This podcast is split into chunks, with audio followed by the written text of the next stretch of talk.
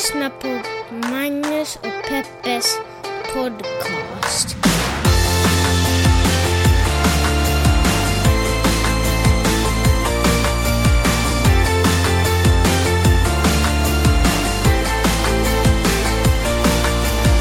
Hallå! Hjärtligt välkomna, hoppas jag att ni känner er till den här podcasten som heter Magnus och Peppes podcast. En podcast där vi pratar om de stora och de små händelserna i världen och vi gör det ur ett journalistiskt, feministiskt och mediegranskande perspektiv. Vi befinner oss just, vi befinner oss just nu i den kungliga huvudstaden Stockholm. Välkommen hit Peppe. Tack Magnus. Hur känns det att vara i, i Sverige? Det känns bra. Det Ja. känns bra. Vi har ju varit här ett tag. Eh, Tre veckor blir det väl nu? det är helt Men i Finland och sjukt. Sverige. Det är sjukt vad tiden går. Ja. Herregud. Swoosh hade gått tre veckor. Ja, och då har vi, ja, precis, vi har hunnit vara lite i Finland, nu är vi tillbaka till Sverige. Eh, vi åker tillbaka till Finland i slutet på nästa månad, Mm. eller den inkommande månaden. Alltså, vilka globetrotters. Vi hade ju också planerat för fler resor som troligtvis inte kommer ske. Du drömde ju om Paris. Ja, det Nu gjorde är det väl 45 grader varmt där. Ja, man kan fortfarande drömma om Paris. Det är ju en värme... Ah, Paris. Une ville de... Nej, jag kan ingen franska. Synd. en gång den här veckan så hade vi roligt. Eh, och det var när jag eh, fejkade hur tv-program som du tycker om låter. Ehm, Jag älskar att du blir så glad när jag skrattar åt dina skämt. ja. Eh, det var, vad heter det, för du och jag tycker ju om olika sorters tv-serier. Jag tycker om när tv-serier har en handling och rör sig framåt. Och du tycker om när tv-serier inte har någonting av det. Eh, och liksom när du, du vill att det ska utspela sig i realtid, vara svartvitt, regna, gärna vara i Frankrike och eh, liksom otroligt filosofiskt. Eh, Och du vill ha sprängladdningar. Nej, men jag vill att det liksom... Om inte handlingen rör sig framåt så måste åtminstone några bilar röra sig snabbt framåt. så att det liksom... Så det finns någonting att fästa blicken på. Hur lät det då? Du, du kan ju bli underhållen av en fransk screensaver. Det är inte riktigt så, Magnus. Ja, men det är ju svårt, för vi har båda en ambition att se TV-serier tillsammans och filmer tillsammans. Och det leder ut till att vi båda är otroligt besvikna. Vi är ju båda... Vad vi än väljer så är någon av oss... Nej, men vi tycker har ju- någon av oss att det är dåligt. Vi har ju några. eh, En, dels så tycker vi om att titta på Last Week Tonight, men det är ju inte mycket till tv-serie på det sättet. Eh, Men där får vi ju båda ut. Liksom. Det är roligt och du vet, det är lite som den här mig podden. humor för dig. Man kan säga att det är HBOs svar på den här podden. Det skulle man verkligen kunna säga. Ja, i tv-format. Ja. Men, eh, men, men när det kommer till drama, så då är ju kanske Sopranos. Ja, jag skulle säga att det är en av de bästa mixarna mellan vad vi tycker om, infört i en tv-serie, så vi båda får ut någonting av det. Breaking Bad, där börjar vi båda tröttna ganska mycket mot slutet. Mot slutet, ja. Men Men, vi kämpar hårt. Vi kämpar på väldigt hårt. det var ju bra, och Sons of Jag känner- Anarchy har vi också. Jag känner att det var vår kärlek som håller igång de här TV-serierna till slutet. Ja. Vi gör det både för den andras skull. Du gav ju upp Game of Thrones. Den fick jag se i Ja, men jag orkar inte se den sista säsongen. Det var kanske också delvis i protest mot folk var så besatta av den. Mm. Då kände jag att uh, ni kan fan hålla skiten. Ja. Och så var du så här, ja men då kan jag se den själv och sen nästa dag har du sett den. Du vill ju att, eh, att, eh, jag har ju sagt det här förut säkert, men du vill ju att eh, serien ska utspela sig typ på en buss mellan Paris och någon annan stad utanför Paris. Ehm, och så ska regnet smattra. Och så ska det bara vara en person som typ tittar ut genom rutan. Och så är det bara voiceovers. eh, och först kommer det någon sån här, har du sett Space Odyssey 2001? Lite, någon sån sådär väldigt kryptisk musik.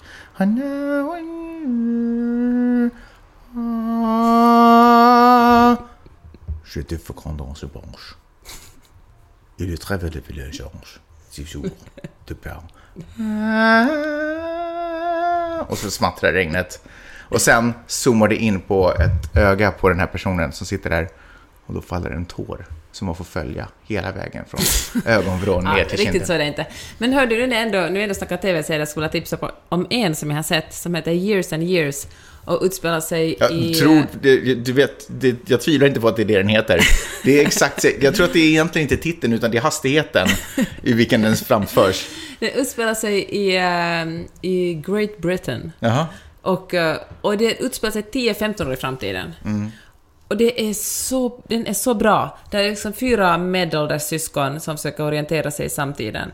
Och... eh, Försöker orientera sig i samtiden. Ja. Fyra medelålders syskon som försöker orientera sig i samtiden. Jag tycker det var en bra beskrivning. Ja, men, vet du, någras äktenskap knakar och liksom, så blir det en ekonomisk eh, krasch, en Men vad betyder ens orientera sig i samtiden? Nej, men det betyder så De, här. helt plötsligt vaknar de upp och förstår, har de drabbats av stroke allihopa? De förstår inte vad som händer runt omkring dem. Nej, men det händer saker. Till exempel ett högerpopulistiskt parti som alla skrattar åt i början. Mhm. Emma Thompson spelar eh, Jimmy Åkesson eller Boris Johnson eller, vem, eller Donald Trump, vem han nu liksom hon porträtterar. Som alla skrattar och tycker är otroligt töntig. Röstar folk också på, så hon tar sig till makten och plötsligt folk säger men herregud vad har vi gjort? Hur kan en sån här tomte leda hela landet? Mhm. Så blir det en ekonomisk krasch och den ena familjen precis sålt sitt hus och de förlorar alla sina pengar. Mm. Och då är pappan i familjen som har varit verkligen höginkomsttagare, han är tvungen att bli ett sånt cykelbud och köra ut eh, grejer på cykel och tjäna liksom 6 dollar i, eller pund i timmen. Alltså jag är så uttråkad redan nu. Peppe, kan du inte bara förklara Men- vad betyder det med att orientera sig i samtiden? Försöka, försöka leva och förstå världen omkring sig. Ja. För de gjorde Det- inte det igår och plötsligt nu så fattar de ingenting Nej och men du, behöver... tiden går ibland är man så men herregud, vad- sådär som, du vet som folk har börjat sluta flyga för att de börjar förstå att Mhm. eh, klimat förstör, klimatet kommer inte att hålla, att vi släpper ut så mycket koldioxid. Nej. Och då försöker vi orientera oss i en ny framtid som alla som är, eller en ny samtid menar jag, alla som är woke tar liksom tåget i Paris. Så när du säger försöker orientera sig i samtiden så menar du egentligen bara justera sina liv accordingly? Ja, men jag använder svenska. Ja, okej, jag fattar. Bra! Men jag vill Eh, säga att jag tipsar om den här serien till alla jag känner, men nu börjar den bli, det blir för mörk för mig. Den blir liksom... eh, Fy fasiken vad den blev mörk. Så Mm. nu, alla som har hört mig, jag tar tillbaka den rekommendationen. Eller den är bra, men det måste man bara, man måste verkligen stålsätta sig lite. ja. Det är liksom Du kategori har ju ofta du har ju, nu, vi ska inte snacka om podd eller tv-serier i den här podden, eller hela det här avsnittet. Men du har ju ofta, du väljer ofta serier som gör att du sen måste sluta efter tredje säsongen för att det blir för mörkt. Ja, men måste alla serier bli så jävla mörka då? Ja, men jag såg till exempel inte den sista säsongen Men om man väljer tv-serier som handlar om att folk ska orientera sig i samtiden. det, det, det, vi lever i en mörk tid liksom. Om du, det är därför jag vä- använder tv-serier för verklighetsflykt. För samtiden, den orienterar jag mig redan i. Men alltså håller du väljer det så dåligt, och nu menar jag inte att vara liksom Ja. översittare och elitistisk, men du väljer verkligen dåligt producerade, dåliga skådespelare och liksom en plott som inte håller. Ja, jag har valt dig, så någonting har jag valt rätt i alla fall. Hörni, eh, vi ska hjälpa er eh, orientera er i samtiden. Välkomna till podden, nu kör vi. Hej! En sak som jag tänkt på här i Stockholm är hur eh, snygga alla är. Det sa du förra året också. Ja, men nu... Jag sa det. Mm. Jag tror det. Men folk är snygga, välkammade, välklippta och ser, alla ser rika ut som rör sig i eh, Stockholms innerstad. Och då slog det mig att eh, alla gör inte det, för det finns ju också människor som tigger efter pengar utanför varje ICA här. Ja. Och då tänker jag att det är Kanske inte för huvudsakligen stockholmare, om vi ska vara helt ärliga. EU-medborgare. Fair enough. Och då slog det mig att eh, Sverige som har gått i bräschen för att vara välfärdssamhälle och jämlikhetens samhälle, Olof Palme, åtminstone när jag växte upp så var det någonting, det var liksom, det var Sveriges image liksom. Det har verkligen fallerat för att eh, Sverige, alltså Sverige påminner ju mer om USA i det fallet. För, apropå Folk det, är jävligt, alltså det åker Tesla på gatorna och det är ju fine, good for you, men samtidigt finns det ju en jättestor fattigdom. Ja. Eh, Tesla är bra för miljön. Fair enough, men också jävligt dyr. Mm, så är det ju förstås. Men när du tog upp Olof Palme så mindes erinrade det mig, jag hade ett samtal med en av mina poddare, Batina. Och hon kom hit på 70-talet, hon är född i Syrien. Men, men vad heter det, hennes föräldrar är palestinier. Och Sverige var ju eh, vid den tidpunkten, Israel blev en egen stat 48 eller någonting sånt, jag, vet, jag minns inte, men exakt någonstans där. Och då var ju förstås stora delar av världen var så här, heja Israel, alltså vi måste göra bot för andra världskriget och, och du vet. Och Sverige var ju en av de få länder som var så här, Palestina, vi erkänner er som eh, stat. Det var inte långt, långt senare. Jo, det var väl egentligen huvudsakligen under Olof Palme, men det var ju därför jag kom på det när du sa Mm. Ja, det. just Men att eh, liksom Ja, ja. Sverige, Sverige hade väldigt länge i Europa ett, ett samvete som inte många Mm. andra stater och länder hade. Det Och nu är vi ju som alla andra. Precis, men jag tycker det, det som är intressant är att Sverige verkligen byggde sin image på att det var liksom Sveriges. Det här, sätt- vi gör oss kända genom att ta emot flyktingar, Mm. genom att eh, hjälpa de som är svagaste. Sverige hade väl väldigt länge också en ganska hög, eh, är det väl 1% av BNP som gick till liksom um, u-landshjälp Mhm. och så vidare. Men eh, jag tog en kurs när jag gick på USC för länge sedan, jag vet inte om okej att referera till någonting som jag gjorde för fem år sedan, men eh, som handlar om hur olika länder bygger upp eh, sin, bygger upp sin liksom, sitt varumärke gentemot resten av världen. Och, eh, och USA började bygga upp sitt varumärke som kapitalistisk stat någon gång eh, under kalla kriget såklart, för att, eh, för att, ja, men för att särskilja sig från Sovjetunionen. Och då, var liksom, då byggde man på det här, det enda rätta är kapitalismen, det är det enda som kan rädda oss alla. Det kommer att, det kommer att lyfta också de svagaste efter om man är rik så betalar man skatter och investerar och kan ge arbetsmöjligheter. Den här dripple down-effekten som det egentligen inte finns ett enda exempel på att skulle fungera i verkligheten. Det är något som många höga politiker fortfarande refererar till. Att om vi bara gör de rika rikare kommer de att ge pengar åt de fattiga. Att då blir det ju ännu djupare klyftor. Strunt samma. Men det som jag tycker är intressant på att den, det som jag tycker är intressant är att... Ja, för eh, varför tar man aldrig med girighet som en del av ekvationen? Ja. Det är som att folk alltid bara, som att ingen förändras. För det är klart att det finns en viss sanning i att om, om företag får mer pengar så då kan man anställa mer och bla bla bla och allt sånt och alla får mer pengar. Men sen slår ju också girighet på och, och, och, och sådana saker. Och konjunkturer för den delen. Och in, i det så, det vet jag inte jag ska tala med, men det som du sa med girighet, det sen handlar det också om det att de som blir större blir ännu större. Det blir som, som Facebook till exempel, när företag blir stora och man har sagt sådär att men hej, kapitalismen den sköter sig själv, den liksom gör så att alla, det finns konkurrens och då får konsumenten de bästa priserna. Men i praktiken har ju USA visat att tvärtom leder det till gigantiska företag som då Facebook, Amazon och Google och så fort det kommer en liten uppstickare så sväljer de den, de köper upp den eller så bara konkurrerar de ut den. Vilket i och för sig, att- ja, konkurrera ut den är ju tråkigt, men när de köper upp så gör det ju mångas lycka också. Nej, förutom för det finns det ju bara, det finns ju bara en Facebook, det finns ju ingen som konkurrerar med Ja, det Facebook. inte- och inte blir, och Facebook är det första företaget som har visat sig vara direkt, eh, ett direkt problem för, för demokratin eftersom de säger sig själva vara en plattform som Mm. folk kan göra vad de vill på, men i själva verket så kontrollerar de ju vad som syns och vad som inte syns i flödet. Men precis som, eh, som unga människor nu drömmer om en karriär som influencers utan att egentligen veta vad det innebär, så känns det ju också nu som att nu startar ju folk företag i hopp om att bli uppköpta. Av typ, Ja. du vet, förstår du vad jag menar? Ja. Att det är ju aldrig att skapa någonting varaktigt eget, någonting som världen fortfarande behöver. Nej, Utan det är tillräckligt bra för att det ska passa in. Precis, kanske, det stämmer säkert också, men det, men det handlar ju också om väldigt kort sikt. Det handlar om väldigt så ett individu- individualistiskt samhälle, där man tänker hur kan jag, hur kan jag bygga ett företag som är så intressant att ett större företag bygger upp det? Jag menar, Amazon är Mm. Köper ju... upp det, ja. Köper upp det.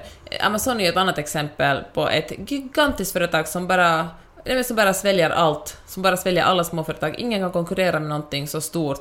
Och som också är så otroligt tillgängligt för medelklassen. Alltså, vi använder ju också, jag skäms för att säga det, men vi använder ju också som Amazon i USA, för det är så otroligt smidigt.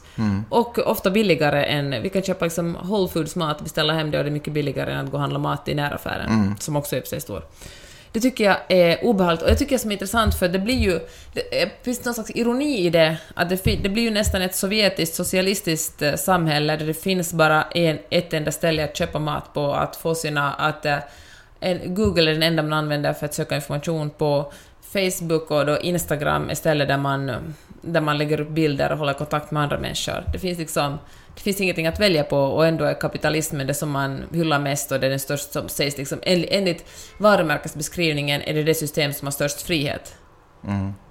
Det är eh, obehagligt. Så jag tänker att vi måste ju leva i någon slags äh, sen kapitalistisk era. Jag menar, det måste...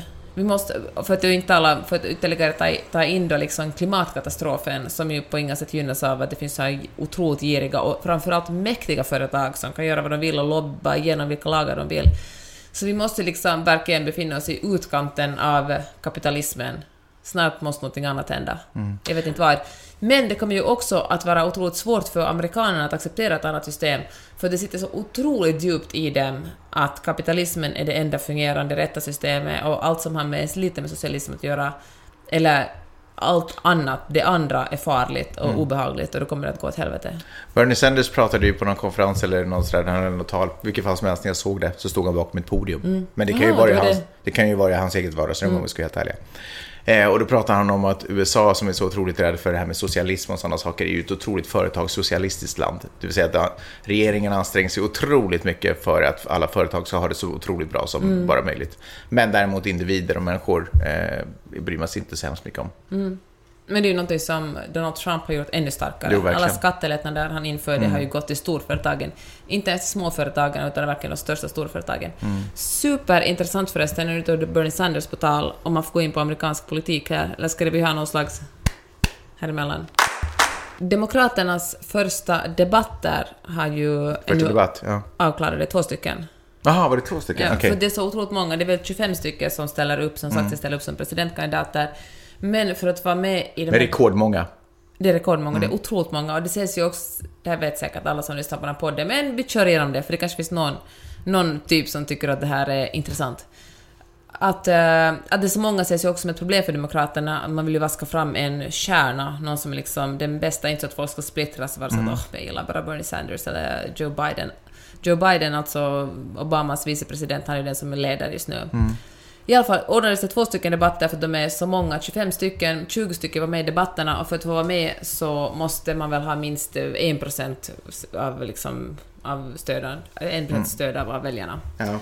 Och eh, den som... Jag tänker på han som inte kom med, som blev eh, supersur och som sa “This is horse shit”. Just. Den- Men han hade väl jag vet inte, 500 röster eller någonting. Ja.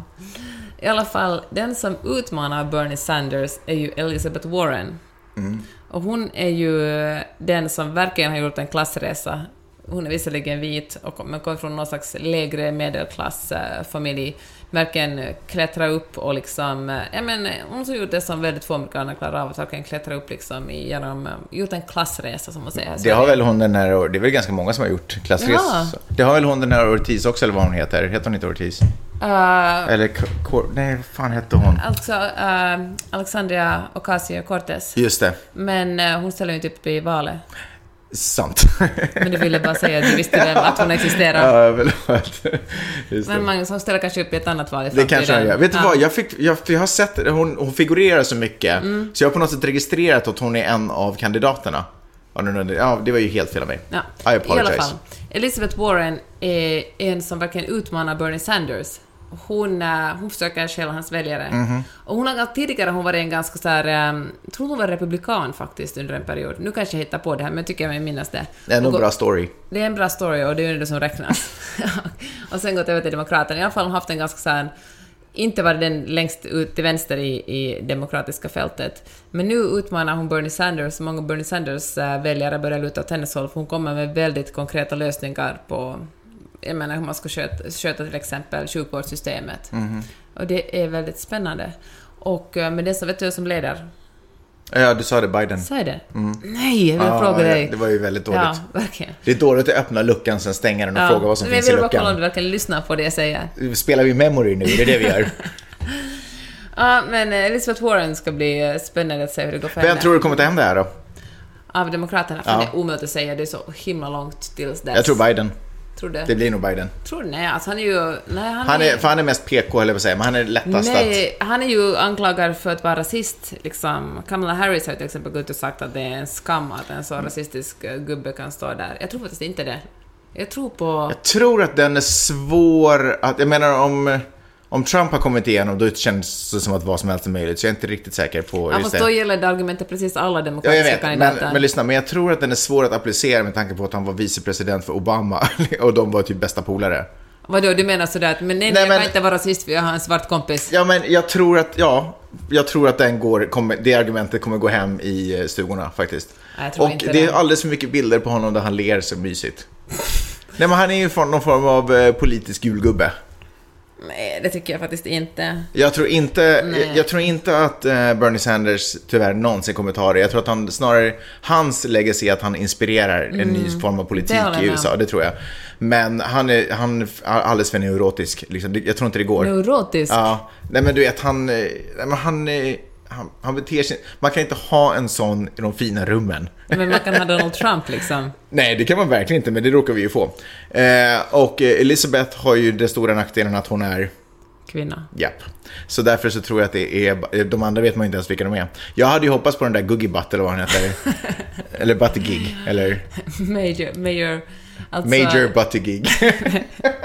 men, men, jag tror, men jag tror att, eh, jag tror att folk väljer det man känner igen, huvudsakligen. Nej, jag tror faktiskt Jag tror det kommer att gå bra för Elizabeth Warren. Men du tror att hon kommer ta det? Alltså, Fram, du, framför Donald det. Trump så, efter Donald Trump så tror jag att man väljer USAs första presidentkvinna. Ja, jag Det, tror men vilken, vilken streak egentligen. Då har man först USAs första svarta, sen USAs typ värsta och galnaste människa någonsin. Och då har vi ändå levt igenom några Bushar. Och sen, eh, och Clinton också för den delen. Och sen så helt plötsligt så glider första kvinnan in. Ja, jag tror det är tid. Vad Tiden är är, inne. vad är liksom, vad är då nästa? Det, då, det, det måste ju vara, en- alltså, ett, ett barn. hur toppar jag första minderåriga? Nej, men Ett menar, barn. du menar att det är liksom jämförbart? Nej, men kanske nästa en, en eh, alltså, Latino. en latino, kanske Ja. det. Det finns ju andra hudfärger. AOC liksom. Det är också sådär att det är så, just den här rasismen, äh, skitsamma vad det vi behöver inte blanda in det också. Vad sa du? Du sa Elisabeth? Jag sa att Elizabeth Warren tror jag, men jag tror faktiskt att, att eh, Alexandria Ocasio-Cortez kommer att, eh, att det kommer att gå bra för henne i framtiden. Ja, jo det tror jag också. Men eh, vem av kandidaterna tror du har störst chans mot Trump då? Ja, men kanske det är... Alltså jag tycker att fördelen för eh, Warren är ju det att hon kommer med så väldigt konkreta svar på allt. Han är ju... Alltså Trump är ju känd för att han inte har någon policy överhuvudtaget. Det finns liksom ingen plan. Han bara liksom... Han freestylar sina år i Vita huset. Men hon kommer med väldigt eh, konkreta lösningar på allting. Och jag kan känna att folk kanske suktar efter konkreta Det är lösningar. sant, men det finns ett alldeles för starkt kvinnohat, det går inte. Det, kommer, det finns inte chans på kartan att det kommer hända. Ja, vi får väl se. Bernie Sanders tror jag skulle ha en, jag tror tyvärr inte Biden kommer ha en chans mot Trump. Det tror jag inte, men däremot tror jag Bernie Sanders skulle kunna ha en chans mot Trump. För Men är, just sa ju att, han är för, att hans tid är förbi, att han inte alls passar in där. Ja, men han är fortfarande en extrem mot Trump, så därför tror jag att han skulle ha störst chans i en debatt gentemot Trump. Men Elizabeth Men Biden är alldeles för... Eh, förstår du vad jag menar? Det händer ingenting där. Men jag tror att han är den som kommer vinna Demokraternas eh, förtroende. Jag tror faktiskt att Biden har helt för mycket. Du vet, han, start, han, han börjar för starkt. Han kan liksom inte hålla den här kärnan lysande så länge. Eh, hjärtligt välkommen till Magnus och Peppes trostund. Tro och spekulationsstund. Vi går vidare. Vi var ju i Finland eh, för några veckor sedan. Och då, då hade vi ju en middag. Vi hade bjudit in alla våra bästa vänner till den här middagen. Och det kom faktiskt en fler än vad vi hade planerat. Så det var fyra på plats där. Inklusive oss. Alltså jag var otroligt stressad över att, att det, vi skulle bli för många. Ja, det var inte, det var inte läget. Nej. Men jag får ändå säga att det var väldigt fint, för att vi gick verkligen... Det var ingen kallprat där inte. Nej. Vi började med att tala om olika sorters sex, så gick vi in till vilka kroppsdelar man är nöjd med, missnöjd med och... eh, Ja, men det var en varm och fin Och sen så stämning. skvallrar vi om alla helsingforsare som vi känner. Ja. Ja. Eller vi ville ha det senaste update Ja. på vad pysslar folk med nu Det blev ju ändå en fin kväll trots... eh, Det var att, magiskt. eh, Jag fick en delvis en förklaring till varför inte alla eh, dök upp. Och det var för att samma, samtidigt, eh, andra sidan av stan, så pågick eh, Svenska Ylles eh, sommarfest kanske? Mm. Någon form av fest. Där det delas ut priser till de medarbetare som har varit bäst. Eh, inte vet jag. Knappt. Yle- får man, får man det- säga att en medarbetare är bäst? Vad symboliserar egentligen priset? Eller det är väl lite sådär klapp på axeln. Fan, Yle ger pri, liksom pris åt varandra. Alltså de som jobbar på Yle gav pris åt varandra. Nej men alltså det är inte så att man sådär, vem som helst ger pris till vem som helst. Det är inte liksom, det är inte ett knytkalas. men utan det är ju ändå någon form av led, jury blir säkert bestående av någon form av ledning. Chefer har säkert dominerat sina arbetsgrupper. Och nu, eh, inte vet, jag vet faktiskt, vet du vad, den är underlig det där priset för det är så, det är liksom, Du har väl fått det något år? jag har fått det ett år, inte något år utan verkligen ett år. Eh, Jag har ju också fått Stora Yles pris. Jaha. Jaha. Men, men också nog sommar, sommarfestpris. Men om jag bara tar någon sekund lite och funderar på vad det egentligen är för priser.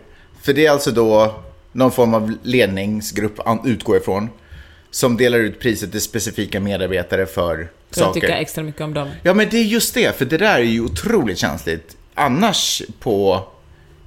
I, i arbetslivet, det är ju inte ens Finland eller Yle, utan i arbetslivet, att, att en chef skulle säga att Favorisera en Ja, att favorisera. Ja. Precis. Och, och Finland kanske ändå lite mer, för att där finns ju en, en fantastisk kultur där ingen är bättre än någon annan.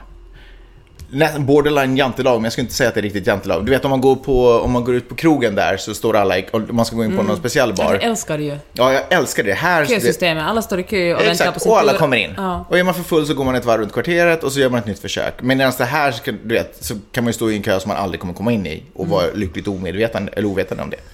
Så därför är det ju extra underligt att just den där sitter där, att man liksom till och med, jag menar, jag skulle kunna tänka mig att det var en extern, oberoende grupp som bara har gått in och lyssnat på olika ylleprogram och bara wow, den här programledaren är ju magisk, wow, det här konceptet är klockrent. Eh, för då, då, ja, då är alla åtminstone inom YLE likar. Men nu är det ändå så här att alla är inte, eller är alla, eller inte, eller är alla. Och. Anywho's. Och sen så är det ju nästan alltid profiler som får den där priserna. Kan man också bara lägga in den? Att what? Är det så? Ja, nu var ju inte jag med under prisutdelningen så jag vet ju inte helt till hundra vad jag snackar om. Jag var ju egentligen svängde förbi den där festen för att träffa vår gode vän Kai Korke, Kai Korke Aho. Profil, fick naturligtvis pris. Just to prove my point tidigare.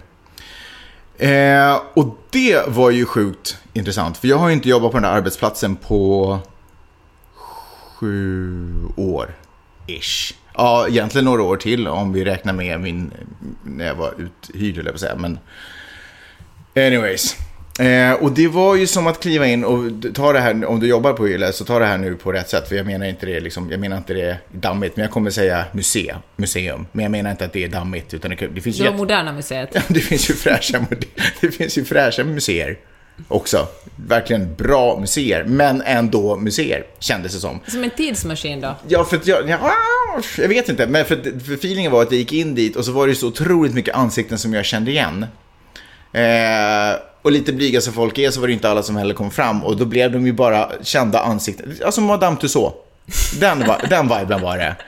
Eh, och det, det var liksom, det var en cool upplevelse. Ja, det var, ibland var det som att jag var os, ja, jag hade gått in i någon maskin och hamnat in i något parallelluniversum och kunde osynligt stryka mig igenom. Folk var lite, du vet, det var, det var senare på kvällen, folk var lite i gasen.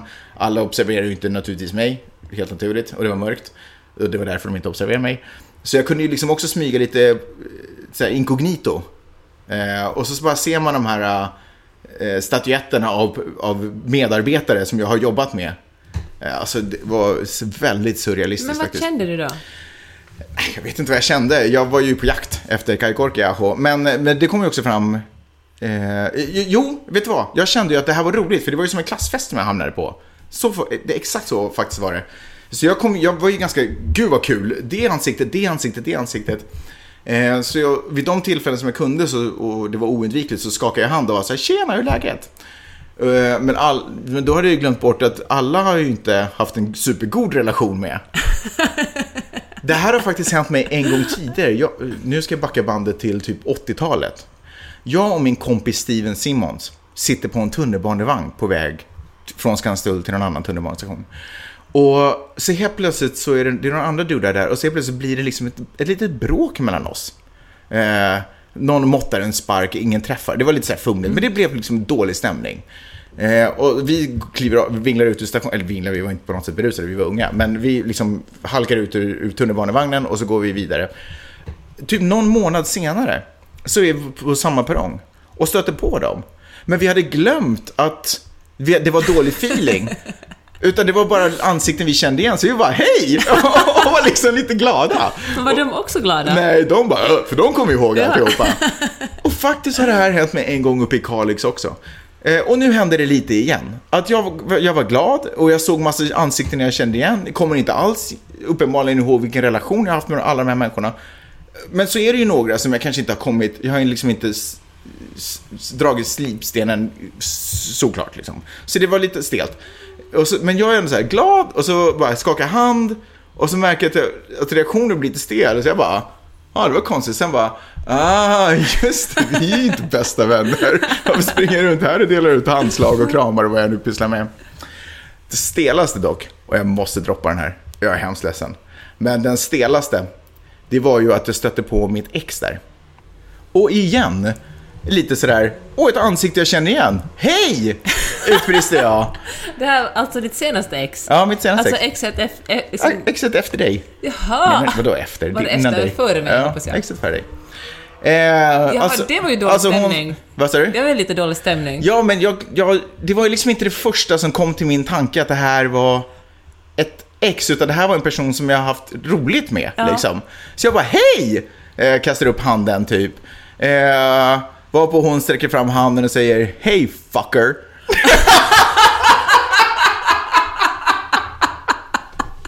Och helt plötsligt bara kommer allting tillbaka till mig och så bara, ja ah, just det. Jag bara, Bra snack, ha en trevlig kväll, vi hörs.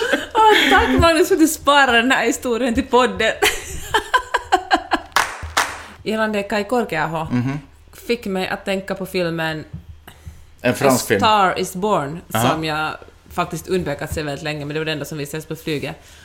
Typ, Mhm. som jag kunde se. I alla fall, då ser jag Bradley Coopers äh, karaktär, han är en jättekänd äh, musiker.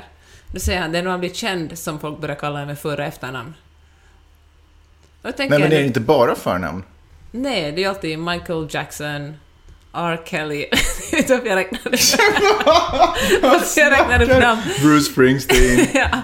ja, men visst är det så? Fast eh, Beyoncé? Knowles. Nej. Okej. Beyoncé. Det är ju då man är stor, Nej, eller hur? då- nej. Jay-Z. Ja, du tänker Jay är förnamnet och Z är Nej, men jag efternamnet. tänkte just inte på dem. Men så, jag Tupac. Ja, nej men herregud. Biggie. Jag menar bara, folk, det är ju deras smeknamn. När, man, när någon är känd, om man sitter använder sitt riktiga namn, då talar man om dem i för och efternamn. Så ser jag Bradley Coopers karaktär, jag bara “Don't kill the Nej, messenger”. Nej, Elvis. Presley. Nej, Elvis är han Presley. nog. Han är nog Elvis. Ja, behöver inte köpa det. Se filmen själv och se vad du tycker. Ehm, Jag ville bara höja Kai Korkeaho till skyarna här. Kinsa. Kinsa vadå? Men, alltså svenska Kinsa. Okej, Bara ett förnamn. Bianca Ingrosso. Bianca. Nej. Eh, hon är väl Nej. Bibs nu? Bibs med hela folket. Ja, ja, ja. What evs. Du ska inte veta vem det är om du inte ska klippa hennes podd. Nej, fair enough. Det onödigt. Det var väl ofräckt sagt. Skitsamma. Eh, var det allt du ville säga? Ja. Ja, det. Svenska Dagbladet har en sommarserie som handlar om djur och kommunikation och hur människor ser på djur. Och det handlar bland annat om hur uh, människan är ett djur, men, ja, men människan är ett däggdjur. Men bara det att vi ser oss, att vi skiljer på människoarten och djur. Att, att djur, alla sorters djur, vare sig man är en mygga eller en elefant, är man ett djur. Men människan är unik. Så ger vi oss en eh, speciell ställning i världen. Och så, och så har det vissa religioner säger så här om det. För vi har själ och vi kan eh, Men ljuga. precis. Och framförallt har vi ett språk. Bruk- har man liksom trott att eftersom människan kan kommunicera har vi en själ, men djuren är bara dumma liksom... eh, Vad ska man säga? De är bara levande grejer som existerar som ett träd eller... Jag fattar. Som ett, och, eh, men nu på senaste tid har det blivit... Men det här känns inte som en supermodern forskning. För. Att, att, djur, inte- att djur kan kommunicera är väl ganska klart. Det är klart. Fåglars fjäderskrud och... Ja, men det har kommit liksom... Insekters nej, man har färger. att förminska det, men alltså man, man till exempel, länge trodde man att uh, djur inte hade några känslor. Mm, Och då menar jag alltså fysiska känslor, så man kunde liksom skära djur utan kände något. Det trodde man ju väldigt länge också Ja. som spädbarn. Och människor. Att man kunde operera Generellt. med spädbarn utan, eh, utan någon slags um, smärtlindring Ja, eftersom sjukt. de inte kände någonting. Sjukt. Men, och, och på något sätt har vi... ehm, och tvärtom, och människor som har varit så här värna om djuren och Mm. varit så att men djur kan ha också känslor. Hundar och katter kan bli ledsna när någon dör och liksom elefanter har begravningsritualer och liksom... Ritualer? Ja men tydligen. Aha. Men i alla fall kommer exempel som visar att, att djurens själsliv egentligen är mycket mer avancerat, får jag bara säga, än vad man trodde. Ja. Så då har, människan, då har man sett ner på människan som liksom lite, lite naiv och dum i huvudet liksom. Jag skulle vilja att elefanter hade sån här New Orleansk begravningsritual. Att du vet, det är lite karneval, det är så här... Något sånt. Ja. Tack för din input. I alla fall, Mm. så har man sett så här, och, och jag känner faktiskt igen mig i det, för att när jag, när jag slutade äta kött var jag noga med att säga... Så har djur kommit fram och tackat dig. Nej, men det var, var jag noga med att säga sådär... Snövit. Att det var lite, det var lite sådär att, att tycka att djur var gulliga. Folk var sådär åh, så har du slutat äta kött för att djur är gulliga. Och det finns fortfarande en sån inställning till vegetarianism, att man är så naiv och man tycker att djuren har vackra ögon och därför äter man inte dem. Man vill inte sina kompisar. Så då sa jag att nej, nej, jag tycker att jag har slutat äta kött på grund av dess miljöpåverkan, heter på en annan orsak. Det är först de senaste kanske 5, 6, 7 åren som jag har sagt att nej, jag tycker det är vidrigt som det sättet vi föder upp djur på. I alla fall nu har, det blivit, nu har man liksom forskat allt mer i det här och kommit fram till att, att djuren verkligen har ett språk. Alla djur har olika språk. Man kanske inte talar med människoord, men till exempel några ödlor som har 200 olika sätt att stå på. Och då kommunicerar, vet genast en annan ödla vad den för ödla ett vill säga. Och, men, och så som du säger, fåglar, hästar, hundar, alla djur kommunicerar med varandra. Det finns ett exempel på en val som, som levde i fångenskap hela sitt liv som tydligen lärde sig imitera människomummel. Som kunde liksom göra det ljudet som den hörde när människor stod vid, vid sidan av, eh, av, eh, av Glaset, bassängen. plexiglaset liksom. Ja, och kunde imitera det så lätt exakt som människomummel. Så Oj. för den ville på något sätt den ville få kontakt, för den var ett sätt att få bättre kontakt med människor. Och eh, det här tycker jag är otroligt intressant. Eh, Det faller, sammanfaller, det här är något som man har forskat i väldigt länge, men på något sätt sammanfaller det i en period i mitt liv där jag funderar väldigt mycket på min relation med hästar som jag älskar väldigt mycket. Och hur... Som bevisligen inte har något själsliv eller kan kommunicera. Och hur, hur liksom, jag ifrågasätter väldigt mycket mitt sätt att hoppa och rida dressyr och liksom använda träns och sadel och gör det här. Hästarna går ju med på att göra det. Jag kände att vissa, vissa hästar älskar verkligen att hoppa till exempel. Men jag kände att jag skulle vilja komma dem närmare och försöka förstå dem och göra allting till liksom en behaglig upplevelse för dem också. Just det, det här kommer jag ihåg att du har pratat om när du har stått i den där ringen. Ja, eh, göra så här natural Ja, horsemanship. för, för förr i tiden så då behandlade man ju häst, vid hästträning så var det inte helt ovanligt att man också behandlade hästar som semi-själslösa djur som ska tuktas liksom, och att göra så som man vill. Medan du nu, om jag har förstått det hela rätt, så nu verkar, inte du nu, men alltså nu verkar det röra sig mer åt att försöka kommunicera det här till hästen. Så att den av Ja. eget val, egen vilja gör det. Och jag tror liksom, jag, du vet när man upptäcker någonting, så alltså när man, folk vill vara gravida, vill bli gravida säger de de tycker att alla i hela världen är gravida omkring dem. Så nu tycker jag att alla omkring mig håller på med natural horsemanship, vem jag än talar med så gör de det. Vi var ju redan på islandshästar i, i Finland, otroligt härligt. Och då sa den här eh, kvinnan som tog ut oss att hon har börjat gå på kurser och försöka lära sig bättre om hur hästar fungerar. Jag ska ut och rida på måndag med, med en kompis, hon sa att hon också har börjat se på YouTube-klipp och försöka förstå hur hon bättre kan hantera sin häst och, och liksom hur hon... Hon sa att hon har haft den väldigt länge och de har liksom en speciell kommunikation och hon vill förstå den ännu bättre. Så det är någon slags rörelse på gång. Och precis som eh, jag tror att vi lever i någon slags slutet på någon slags kapitalistisk era, det här är liksom en sen kapitalistisk era, så tror jag att vi också lever i någon slags eh, Ja, men någon slags, vi gör, vi håller på, det håller på att ske en förändring till hur vi instä, vår inställning till djur. För jag tror garanterat om 50 år när vi ser tillbaka på den här tiden och hur man föder upp djur, hur man slaktar djur och hur man äter djur så här, s- Kommer man förfasa sig, det kommer vara så här Ja. medeltiden. så otroligt barbariskt och primitivt. Folk kommer liksom att se på den här tiden som Alltså vad fan var det för fel? Så det är som när man tänker på att eh, det fanns människor som opererar på spädbarn utan smärtlindring. Jag tror människor om 50 år typ, framåt i tiden kommer att se på oss på det sättet. Var sådär, men herregud, men de är helt blåsta. Okej, de var dumma i huvudet, men, men hur kunde de inte fatta? Och nu säger jag liksom inte att, att eh, det liksom, det jag tycker inte liksom, djur är djur, djur är inte människor. Det liksom, djur lever på ett annat sätt än människor. Man kan liksom, det handlar inte om att man på något sätt ska överföra mänskliga egenskaper och, på djur. Men på något sätt, eh, Jag tror jämlikhet och jämställdhet en vacker dag kommer innefatta djur. jag tror det. Jag tror, jag tror det redan nu finns... Eh, oj, nu brinner det någonstans på Östermalm. Jag tror att det finns eh, redan en sån rörelse där man talar om att... Eh, Vänta.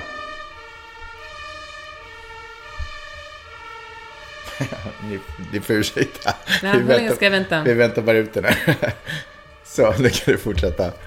Ja. Att redan nu finns en sån rörelse. Ja, jag tror en väldigt liten sån som folk ser ner på. Men sanna mina ord, jag tror att den kommer... Sanna mina ord. Sanna mina ord, Magnus. Ja. Jag tror den kommer att växa. När tror du att vi kommer ha den debatten att djur är jäml... Är det jämlika eller jämställda? Vad pratar vi om här? Jämställda kanske. Uh, jag vet faktiskt, jag kan, Djur ska ha samma rättigheter. jag kan... De får rösta och sådär. jag kan inte ge det ett årtal. Men jag tror att den, är, att den växer fram någonstans. Och jag tror att det delvis kommer att gå hand i hand med miljörörelsen och hur man ser liksom på klimatkrisen. För det är ju också en...